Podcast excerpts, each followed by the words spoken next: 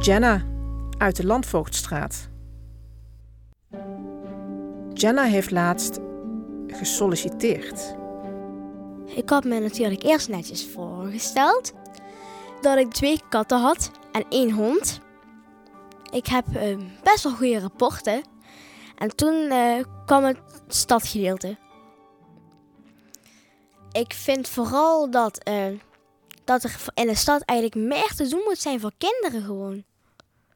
Want we hebben nou heel af en toe hebben we in de stad een rommelmarkt. Dan is er soms wel eens een, kinderdag in de stad, maar dat is maar één keer per jaar. Maar dat zijn eigenlijk de enige twee dagen in het jaar waarin er eigenlijk iets te doen is voor kinderen. Dat vind ik veel te weinig. Je krijgt, denk ik, denk ik, net zo'n zwart blouse, overhemd of hoe dat ook heet. En dan een meer bescheidene ketting.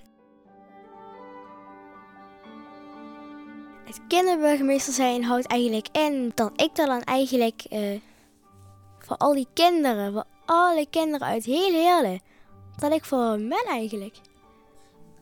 Ik denk dat het zo gaat dat als er dan eens problemen zijn of zoiets, dat de kinderen dan naar mij toe kunnen komen.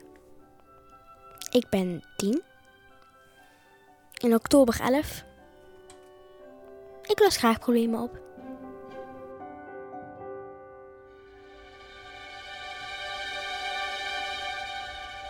Jenna kreeg de job en nam zitting in het kindercollege van Heerlen.